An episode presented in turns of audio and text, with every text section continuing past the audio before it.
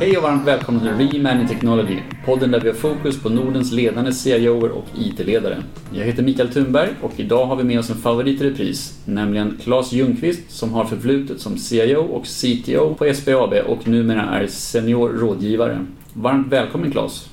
Tack så mycket! Och det är faktiskt andra gången du är med i vår podd och du var med redan i december 2018. Men det är mycket som har hänt sedan dess, så vi tycker att det skulle vara intressant att göra en uppföljningspodd. De flesta känner nog till SBAB och era bolån, men du kanske kan berätta lite mer om er som organisation och företag? Vi är ju en digital bank, vi har inga kontor där folk kan komma och besöka oss. Och så har det varit ända från början. Eh, I mitten på 80-talet när SBAB började så eh, mötte vi kunderna på telefon och sen med internets framväxt och så vidare så har vi kompletterat såklart enligt bästa förmåga vårt kunderbjudande med internetsajter, mobilappar, sociala medier och andra verktyg för att kunna hantera våra kunder. Vi är såklart intresserade av att höra mer om vad som har hänt sen, sen förra podden som vi inspelat och vad det är för fokus och initiativ på gång nu. Men jag tänkte kunna börja från början lite eh, och höra lite mer om dig och din bakgrund som sådant. Och alla kanske inte hörde det tidigare avsnittet där, där du var med. Kan du berätta lite mer om dig själv och din bakgrund? Vem är du som person? Mm, det har jag också alltid frågat mig. Men om man tittar yrkesmässigt då så så eh, har jag en bakgrund som ingenjör. Jag gick teknisk fysik på KTH för en massa år sedan och sen jobbade jag två år på Ericsson efter utbildningen. Det var en ganska bra inkörsport till engineering, eh, professionalism och liksom jobba väldigt, väldigt strukturerat och lära sig hantverket från början. Sen efter två år så hamnade jag i finansbranschen och sen har jag varit kvar där sen dess som systemleverantör och så småningom på Nordnet i motsvarande roll som jag haft på SBAB då, CTO. Och sen har jag då jag har jobbat på SBAB i ja, snart, snart sex år blir det. Vad skulle du säga är några av dina drivkrafter? Mina drivkrafter är nog att försöka modernisera eh, banker har det ju blivit nu då, eh, några stycken. Få bankerna att förflytta sig från en traditionell, en traditionell syn på kund och kundmöte in till det som, som vi nu lever i som kommer bli mycket, mycket, mycket viktigare framöver också med digitala kundupplevelser, effektivitet i, i processer och så vidare inom, inom bankerna och försöka hjälpa bankerna att eh, anta ett, modern, ett modernt ledarskap och förhållningssätt till utveckling helt enkelt. Att det inte bara är gammal core business med ränta och räntenetto, ROE och så vidare utan att det är minst lika viktigt hur man åstadkommer det här med, med teknologins, eh, de hjälpmedel som teknologin erbjuder. 2018 utsågs du till Årets CIO av IDG och juryns motivering löd så här.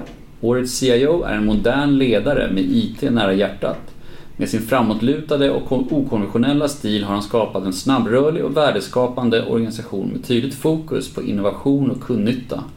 Genom att kombinera framkantsteknik, nya arbetssätt och transparent ledarskap har årets CIO förbättrat såväl kapacitet som kvalitet i leveransen och samtidigt fått nöjdare medarbetare. Alla organisationer skulle må bra av en Klas Ljungqvist. Det är ju väldigt fina ord. Vad tror du ligger bakom några av de här orden då som framåtlutad, okonventionell stil och transparent ledarskap? ja, det kan man verkligen fråga sig. Nej, men eh, det kokar väl ner till att eh, jag gillar det jag håller på med och inte behöver göra mig till utan jag är den jag är liksom och sen hoppas jag att det funkar. Och funkar inte det så får man helt enkelt hitta på någonting annat. Då. Framåtlutad stil, jag vet inte det krävs nog att man är lite framåtlutad just i och med att den bransch jag jobbar i och, och många med mig då eh, som sagt behöver göra en stor förflyttning från det traditionella till, ja, till det digitala om man ska använda en floskel då. Och det kräver ju då att, att man är ganska målinriktad och jobbar med ett högt tempo för att försöka, försöka nå dit. Nu är det nästan tre år sedan du fick eh, utmärkelsen. Har du fortsatt i, i samma stil eller har du utvecklats eller förändrats någonting sedan dess? Totalt ändrat riktning. Ja. nej, nej, nej, men det, vi, på SBAB så har vi kört på i samma, med samma fokus och samma målsättning att hela tiden undan för undan bli lite bättre.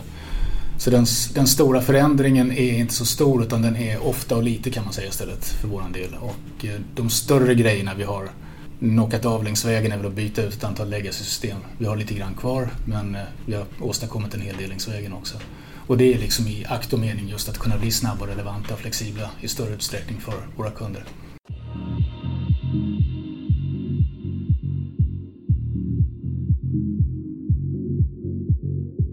När du tittar på ditt eh, ledarskap, vad, hittar du inspirationen till den eh, i din i din roll och sättet som du är. Är det några förebilder som du träffat genom livet eller är det några andra sådana saker som du har läst eller har fått till dig på ett eller annat sätt?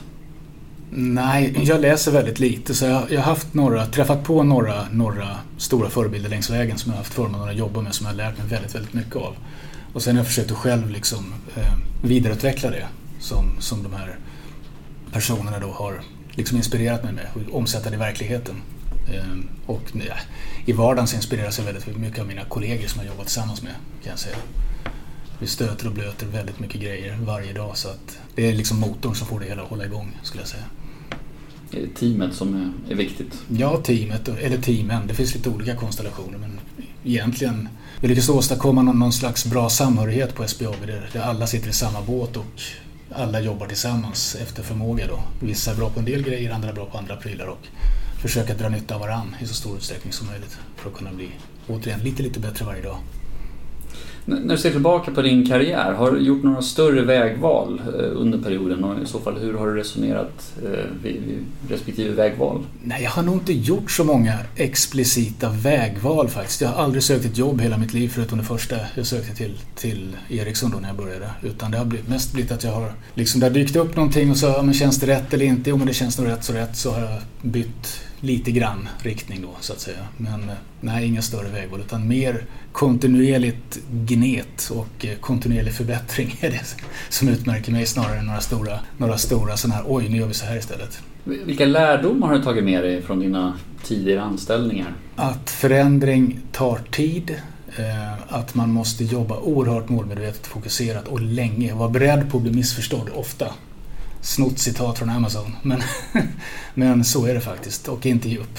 Utan försöka att påvisa också det man vill åstadkomma. Att, att försöka kunna mäta det på något vis som är begripligt för, för ens jobbarkompisar och sen påvisa en förbättring om det nu är så att förbättringen inträffar. Annars får man hitta på någonting annat som, som går att förbättra istället. Då. Men egentligen hitta, hitta grejer som kan påvisa att man rör sig åt rätt håll och sen hela tiden hålla koll på att det blir bättre och bättre.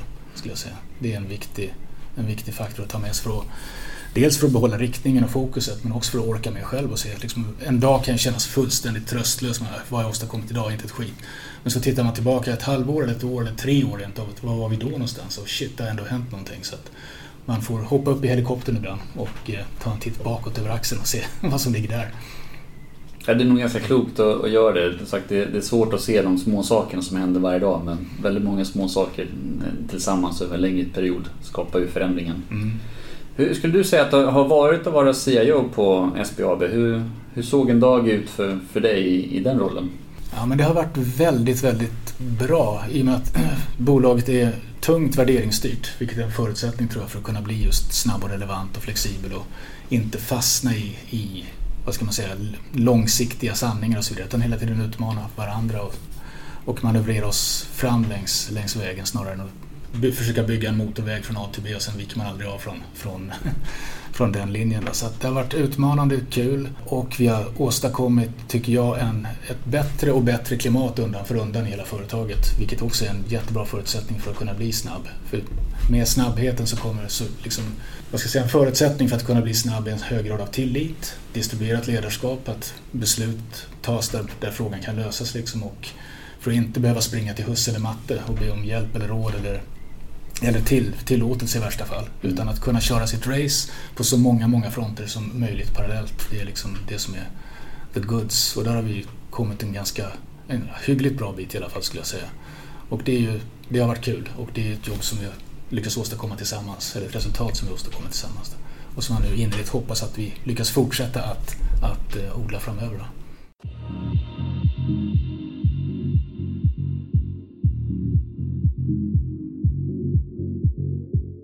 Vi tittar tillbaka lite mer på, på SBAB som eh, organisation och, och, och bolag då. Och personligen så kopplar jag ihop SBAB med ett eh, enkelt, transparent och, och väldigt intuitivt användargränssnitt.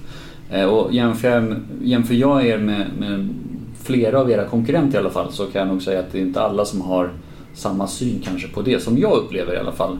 Och första gången jag blev kund hos er så uppskattade jag verkligen den kundupplevelsen eller då customer experience som det talas om så väldigt mycket eh, om här och nu. Ehm, är det ett medvetet val att gå den lite mer avskalade vägen som jag kanske ser det som mer klart och tydligt? Eh, och i så fall, vad var det som föranledde den vägen framåt och vad är det som tycker du att utmärker er? Mm. Jättebra fråga. Nej, men för vår del så är transparent och enkelhet och liksom en omtänksamhet om kunden det, det viktigaste för oss. Och i det ligger att det inte ska vara för hemskt krångligt att, eh, att använda våra tjänster. Sen är vi fortfarande internt väldigt, väldigt frustrerade över att vi inte har kommit längre då. Att det fortfarande är, vi är inte digitala i den utsträckning som vi, vi vill vara och vi är inte tillräckligt bra eh, på att leverera bra stöd till vår kundservice som vi, där vi var heller. Så det gnetar vi med varje dag. Det är ju kul att höra att, att det uppfattas som enkelt och, och eh, enkelt och intuitivt eh, från en, en, outsider, så att säga, en kund. Då. För det är där vi vill vara, men vi är långt ifrån nöjda. Så, så är det och ibland kanske det är skönt att få, få höra lite ögon eh, utifrån. I det här fallet så har jag ingen som helst insyn i hur det ser ut i er dagliga verksamhet på insidan. Så att, eh, mitt, mitt perspektiv i alla fall så känns det väldigt klart och tydligt och enkelt att hitta. Juhu, toppen, det tar vi med oss. det tycker jag. När du var med i podden för, för tre år sedan så, så nämnde du att ni, ni vill och behöver vara bäst på det digitala kundmötet och att er tillgänglighet hos kundservice är en av era största utmaningar. Är det fortfarande en utmaning för er och hur arbetar ni aktivt med att fortsätta och, och bli bäst på, på det digitala kundmötet? Mm. Eh, vi vill bli bäst på det digitala kundmötet och vi vill ge förutsättningar för vår kundservice att verkligen få, för de är, de är Sveriges bästa kundservice skulle jag vilja säga. Men att verkligen kunna omsätta det på riktigt och vi har fortfarande för, för långa köer in till vår kundservice. Och det, vi jobbar på två fronter kan vi säga. Dels med att försöka digitalisera så att kunden kan göra så mycket som möjligt på egen hand. Men också att då eh, försöka bygga stöd, bättre och bättre stöd för vår kundservice att kunna sköta sitt jobb på ett enklare och enklare sätt kan man säga. Eh, vi är en smula hämmade av att vi håller på med stora transfereringsprojekt som jag nämnde, att vi brottas med legacy. Nu börjar vi kunna se ljuset i tunneln där, att vi är liksom av med det värsta och kommer att kunna börja eh, lägga mer kapacitet och fokus på det som verkligen spelar roll för, för slutkunden och för vår kundtjänst. Mm. Och, och, och, som du, du är inne på, det, för att kunna bli bäst på det digitala kundmötet så, så behöver man ju arbeta aktivt med att ta bort de här manuella stegen i, i diverse olika processer. Eh, och, och, som kund vill ju jag i alla fall få snabba besked och även beslut på kan jag få det här lånet och, och i så fall hur, hur, hur, snabbt går det från att jag klickar på knappen till att grattis du har pengarna på, på ditt konto. Eh, men det finns ju många steg runt omkring där. Hur, hur, långt har ni kommit där? Ni är inte fullt ut eh, hela vägen i, i, att automatisera de manuella processerna. Men hur många av de här större processerna är fortfarande modell, manuella och hur ser ni på möjligheten att automatisera de stegen som, som är kvar? Det är en bra fråga också. När det gäller bolånet så är det fortfarande så att eh, vi, liksom skulle jag vilja säga de allra flesta av våra konkurrenter, har ett, manuellt, eller ett eller flera manuella steg i själva processen från, från eh, lånelöfte till utbetalning. Det där jobbar vi oerhört fokuserat med att försöka digitalisera det hela vägen. Eh, vi är en bit på väg men det är en bit kvar, definitivt. Sen tror jag personligen att, att bolåneaffären är så pass, om det är det största affär man gör som privatperson. Och eh, man ska nog vara en riktig cowboy. Sådana finns några stycken. Eller cowgirl för att liksom bara sitta på tunnelbanan i sin app och fixa till ett bolån på 5 eller 10, eller värsta fall 15 miljoner. Eh, utan man kommer nog vilja prata med någon längs vägen. Har jag tänkt rätt? Hur ska jag göra med räntan? Ska jag binda den eller inte? Vad är amorteringskrav? Etc. Det är så mycket, så mycket kring bolånet som är, som är svårt och jobbigt för oss alla att sätta oss in i. Så jag tror att att lejonparten ändå av kunderna kommer att vilja prata med någon eh, längs vägen. Kanske inte 7 till 10 gånger som det säkert är nu utan kanske en eller två gånger från det att man, man ansöker om ett bolån till man har det, pengarna på kontot så att säga. Det tror jag. Så att det, det är egentligen lika viktigt att modernisera det direkta interfacet ut mot kund, webbsajter och appar och så vidare är superviktigt men man får inte glömma bort vikten av att, att hela tiden försöka att eh, förbättra förutsättningarna för de av oss som jobbar med kunden i telefon. Då eller på ett kontor om man är en sån bank. Att, att eh, bygga ett så bra och, och intuitivt stöd som möjligt. Så att det ska gå fort och, och geschwint även där.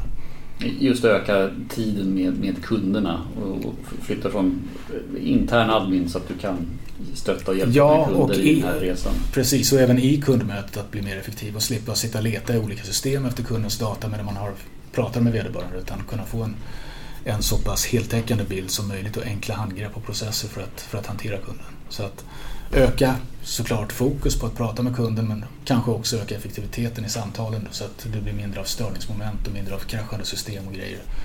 Utan att man kan ha ett, ett eh, kort och effektivt och mer fruktbart samtal än vad vi kanske kan ha idag.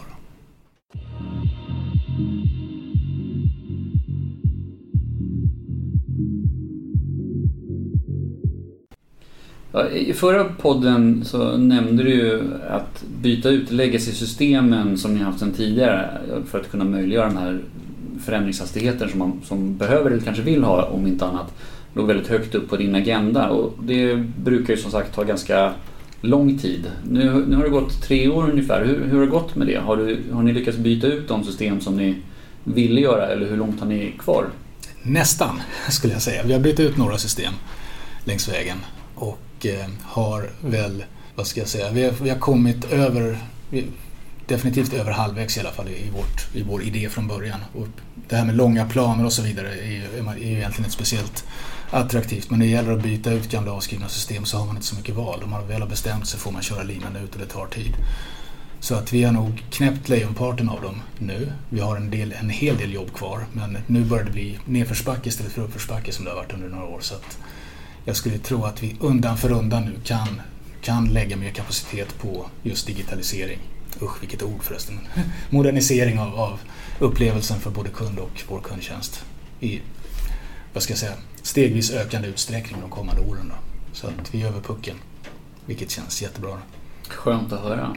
Du tidigare pratade om, om snabbhet och, och produktivitet i, i, antal user stories per, per månad tidigare. Är, är snabbhet fortfarande en väldigt viktig aspekt eh, för er? Och hur hittar ni balansen mellan kvalitet, säkerhet och, och snabbhet i, i, er produktion? Mm. Vi har ju jobbat med snabbhet under flera år, att bli snabbare och snabbare. Och anledningen till det är att, att eh, vi tror att snabbhet och flexibilitet är det. Blir man bäst på det så spöar man konkurrenterna helt enkelt. Och vi blir mest relevanta för våra kunder. Så därför har vi lagt enormt mycket krut på just att få ut grejer ofta och lite. Och eh, nu, för något år sedan så nådde vi en nivå när vi tyckte att nu behöver vi inte målsätta det längre utan det är, det är bra som det är nu utan det finns andra grejer att låta oss med. Snabbheten går ju hand i hand då med, med kvalitet. Det finns ju en risk att man slänger ut en massa skit som kraschar och går sönder och, och buggar ner och, och ställer till det för både kunder och kundtjänst alla möjliga. Så det vi gör för att balansera det är att vi har, vi har ett KPI när vi mäter då hur många stories vi trycker ut per tidsenhet så att säga. Och sen matchar vi det med ett kvalitetsmått också. Hur många av de här storiesarna är buggar då? Och sen har vi hittat en ratio där vi ska ligga på. För vår del har vi märkt att ungefär 90% kvalitet. Det vill säga att det får inte vara mer än 10% buggar. Då ligger vi ganska bra, då stör vi inte kunderna så mycket och vi, det är ytterst få av de här problemen då som leder till incidenter. Vi vill inte ha 100 för då blir man för feg. Utan vi måste kunna göra fel hela tiden.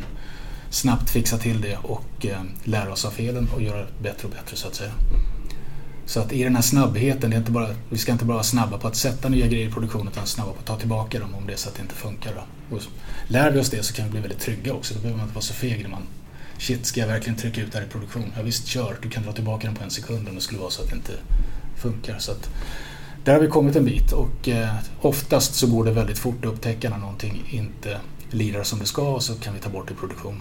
Hur, hur, ser ni på eh, integration mellan era mm, kärnsystem? Många av dem är som sagt eh, större och tyngre eh, och du nämnde tidigare att ni jobbar mycket med mikrotjänster och klart mikrotjänster är ju väldigt snabba och enkla och ska ju till viss del utvecklas väldigt snabbt och ofta men det är klart gränssnitten mellan de här systemen är ju inte riktigt alltid lika lätt att eh, justera. Hur, hur jobbar ni agilt med, med de bitarna? Vi försöker att eh, lägga grejer som vi inte behöver förändra så ofta som är av standardkaraktär i de här stora eh, vad ska man säga, back-end-systemen. Då.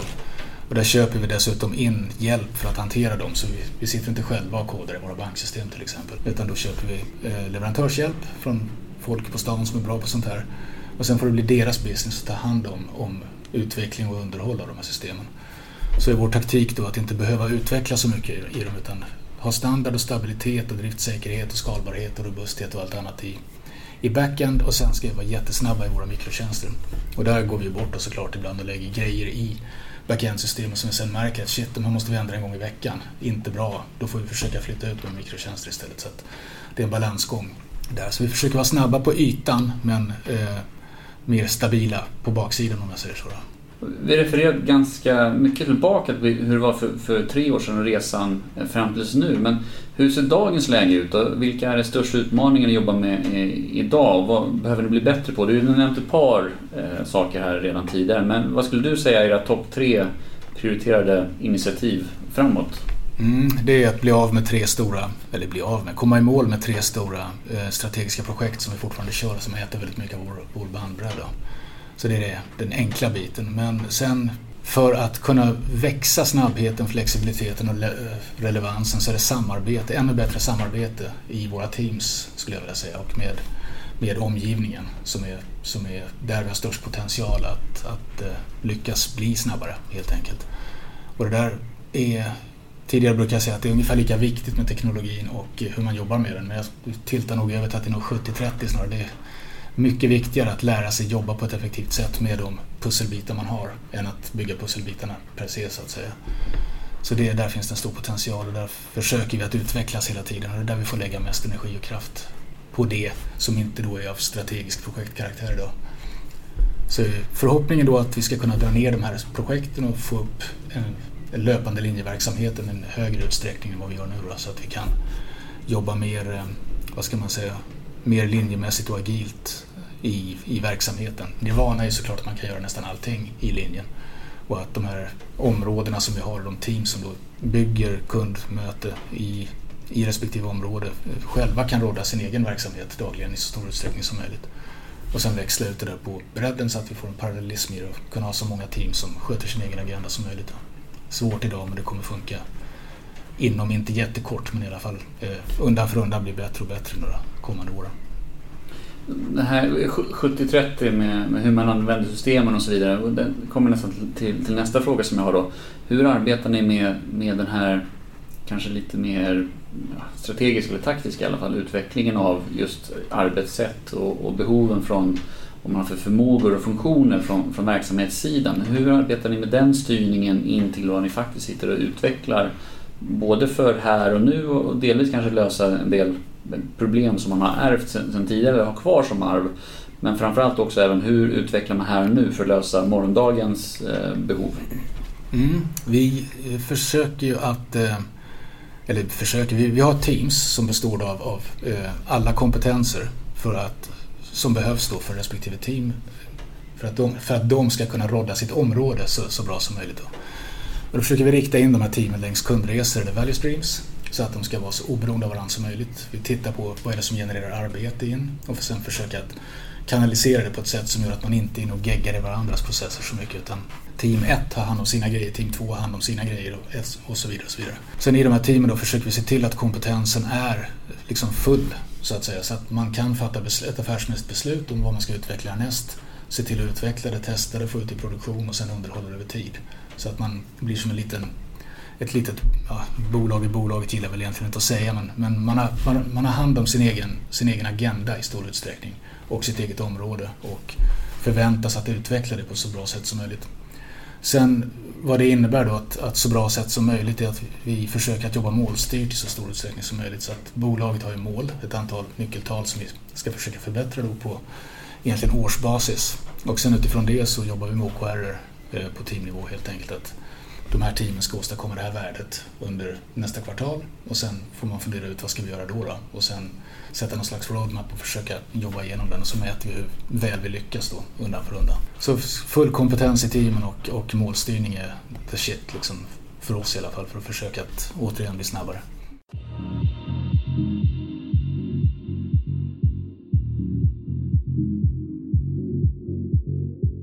byter samtalsämne nästan helt då. Men just hur har pandemin påverkat SBAB? Det är ju fler och fler som, som verkar vara intresserade av större hus och dylikt. Så att det har varit en stor prisstegring på, på både hus och, och fastigheter generellt sett. Så hur, hur har det påverkat er? Eh, och, och kanske inte bara affärsmässigt men även hur har det påverkat er personal och er kultur som ni har inne i, i bolaget? Mm.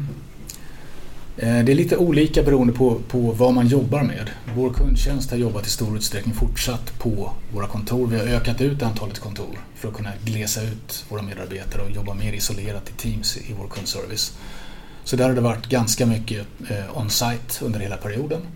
Sen har vi en hel del andra funktioner inom, inom banken då, till exempel utvecklingssidan som har jobbat väldigt mycket remote. Och vi har liksom hållit dörrarna öppna hela tiden. att med omdöme, kom in och jobba på kontoret om du vill och sitt hemma och jobba om du vill och sen får, försök få det där att fungera i någon slags balans. Då.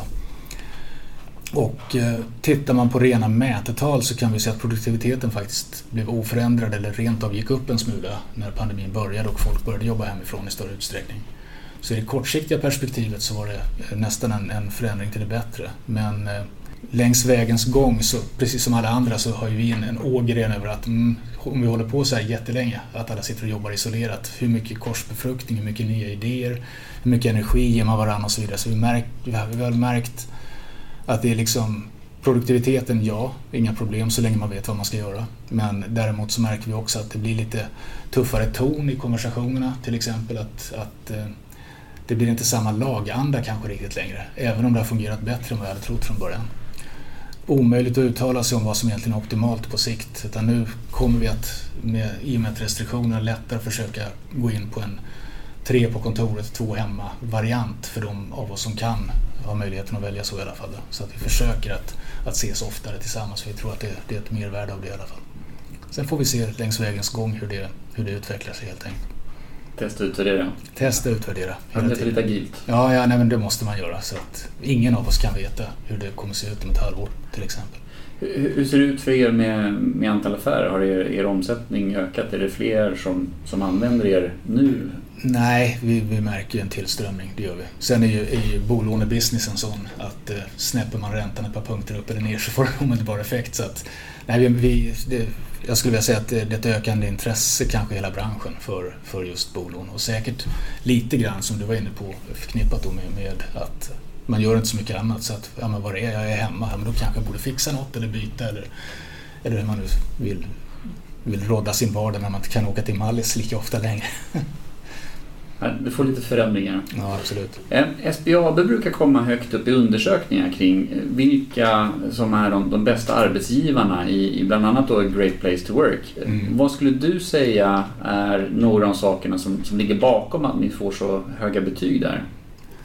Jag skulle nog säga att det är, vi är en värderingsdriven arbetsplats och vi tar det på allvar och eh, påminner varandra varje dag om, om våra grundvärderingar helt enkelt när det behövs och att vi aktivt stöttar och förväntar oss ett, ett, eh, ett vad ska man säga, initiativtagande överallt. Och återigen så har det då att göra med tillit och distribuerat ledarskap och så vidare. Att, att eh, jobbar du med en grej så förväntas du liksom ta de beslut som du kan göra. Så, såklart får du hjälp om du behöver, då skrik, får du skrika och räcka upp handen. Men eh, att undvika springa och be om lov, ta besluten själv, kollaborera tvärs över teamgränser när det behövs istället för att kanske då ringa till någons chef och säga att hejsan jag behöver prata med team B, spring bort till team B eller slacka dem eller gör vad du behöver för att, för att få den hjälp och den, den, det samarbete du behöver. Så att eh, det är nog i grund och botten sättet som vi säger att vi vill eh, leda och driva företaget på som gör att det, att det funkar så pass bra. Och att det inte liksom är några posters på väggarna bara de här värderingarna. Så att istället för att springa runt med slagord så försöker vi leva dem istället. Och de går som tur är hand i handske med agilt utvecklingssätt. Då. Så att det, det är nog många års gnet och slit med att få det att funka och hela tiden rekrytera medarbetare som, är, som köper in på det och vill jobba på det här viset som gör att det undan för undan blir bättre och bättre. Och det avspeglar sig också i, i diverse undersökningar. Du har ju nämnt en hel del om hur viktig den, den externa kundupplevelsen är för er. Eh, och du nämnde lite grann att internt har ni fortfarande lite olika system, åtminstone för, för kundtjänst. Hur mycket jobbar ni med den, den interna kundresan eller interna kundupplevelsen, employee experience? Eh, är den lika högt prioriterad? Den är nog lika högt eh, rankad men inte lika högt prioriterad skulle jag säga. Vi ser ju naturligtvis värdet av att, eller att det är ett krav att det ska funka smidigt och bra och stimulerande att jobba men vi som alla andra skulle jag säga, försöker nog utveckla det där i högre takt nu. Framförallt i och med att vi har haft en ny situation eh, under ett och ett halvt år tillbaka. Med pandemin då, som ställer högre krav på vår digitala arbetsplats. Så vi kikar på ganska stora vad ska man säga, moderniseringskliv när det gäller just digital arbetsplats och även arbetsplats på kontoret och få det här att jacka ihop på ett bra sätt. Vi har ju som många andra också märkt det här bloopers man kan göra i början som till exempel när man sitter som vi gör nu i ett konferensrum några stycken och så har man med sig några stycken digitalt och de blir som en egen satellit som man inte får med på något sätt. Så det där håller vi på att fundera över och, och experimentera med. Hur ska man kunna få det att funka när man jobbar i en, i en hybridmodell helt enkelt. Så mycket fokus på det framöver skulle jag säga. Ja, det tog lite omställning att hantera just de här hybrida workshopparna när man har vissa som deltar på distans och sen just precis som du säger några som sitter i samma rummet och försöker ja. få en, en korrekt, ett korrekt arbetssätt när alla känner sig involverade och delaktiga i, i det. Precis. Tittar vi på ytterligare en, en sån eh, aspekt som, som kanske blir större och större just kring IT-säkerhet och allt från bedrägerier till även då eh, riktiga attacker som, som eh, flera bolag blir drabbade av men, men åtminstone ett bolag som blev väldigt tydligt drabbad av tidigare i år. Hur ser det ut för er del? Hur mycket jobbar ni med IT-säkerhet och hur mycket upplever du att ni blir utsatta då för både bedrägerier men då regelrätta, eh, regelrätta IT-attacker? Mm, vi jobbar ju kontinuerligt med säkerhet eh, såklart. Det måste man göra. Vi lägger undan för undan högre och högre fokus på det. Sen har vi organiserat vår, vårt säkerhetsjobb så att det är inte liksom ett teams ansvar. Vi har såklart säkerhetsteam men de funkar snarare som en support till hela verksamheten och eh, ser till att vi har digitala skydd på plats men också att vi kan växa en säkerhetskultur på banken som gör att alla är medvetna om att om man dyker upp ett mail från en konstig avsändare med en länk som ser läcker ut så kanske man ska tänka sig för när man klickar på den.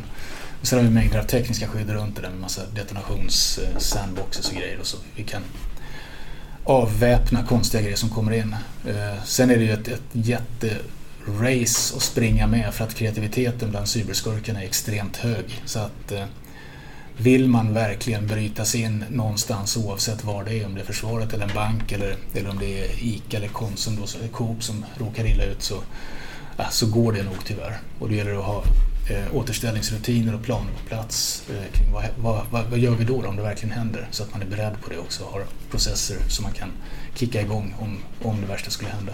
Mm. Men det är kontinuerligt jättefokus på, på just cybersäkerhet både när det gäller tekniken och när det gäller säkerhetsmedvetandet hos, hos alla våra kollegor skulle jag säga är det vi gör. Och eh, hittills, peppar peppar, så vi blir bombade av, av intrångsförsök precis som alla andra hela tiden. Vilket man kan sitta och titta på och det är väldigt fascinerande. Men, men än så länge så har det inte hänt något, något riktigt allvarligt för vår del i alla fall.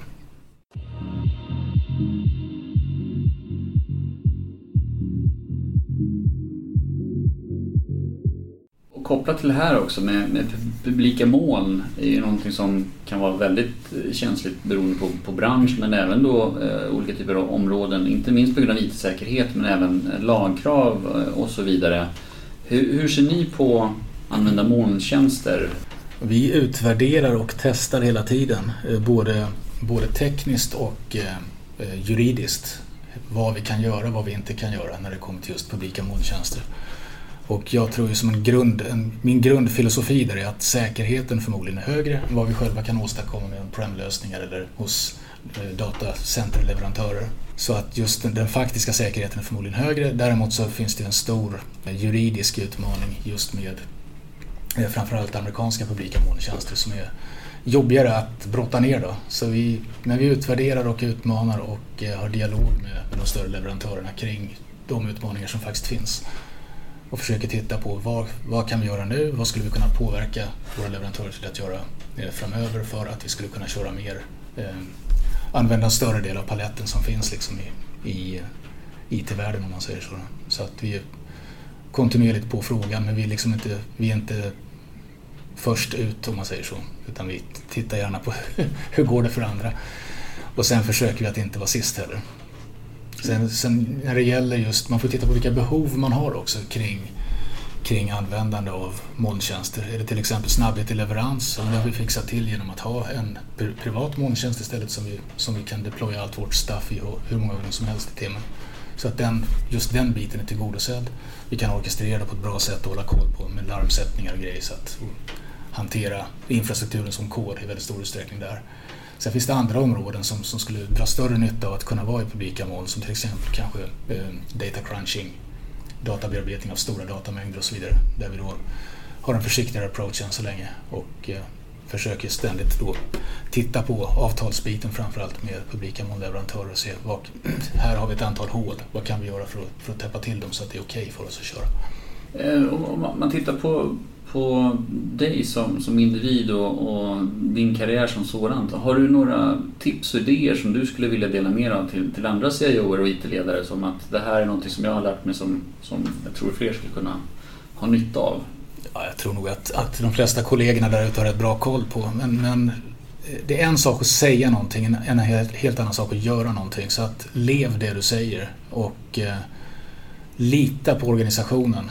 Om det visar sig att det inte går att lita på den, byt ut de bitarna som inte går att lita på och sen eh, inkludera hela tiden medarbetare och teams och eh, vad heter det, mellanchefer och grejer i det som görs och få det att fungera av sig själv. Så att man själv slipper sitta och, och eh, peta i, i grejerna utan eh, man ska kunna fatta beslut om sin egen bag hela tiden utan att springa och fråga om lov. Eller att, utan att vara beroende av någon annan. För väntan är nog den värsta fienden till speed tror jag.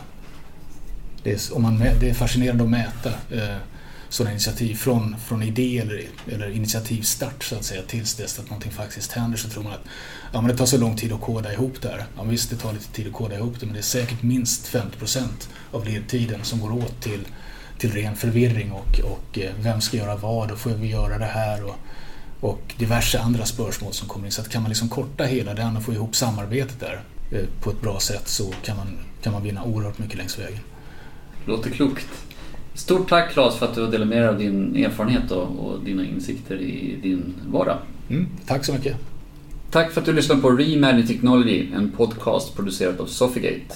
Vi återkommer med ett nytt avsnitt inom kort.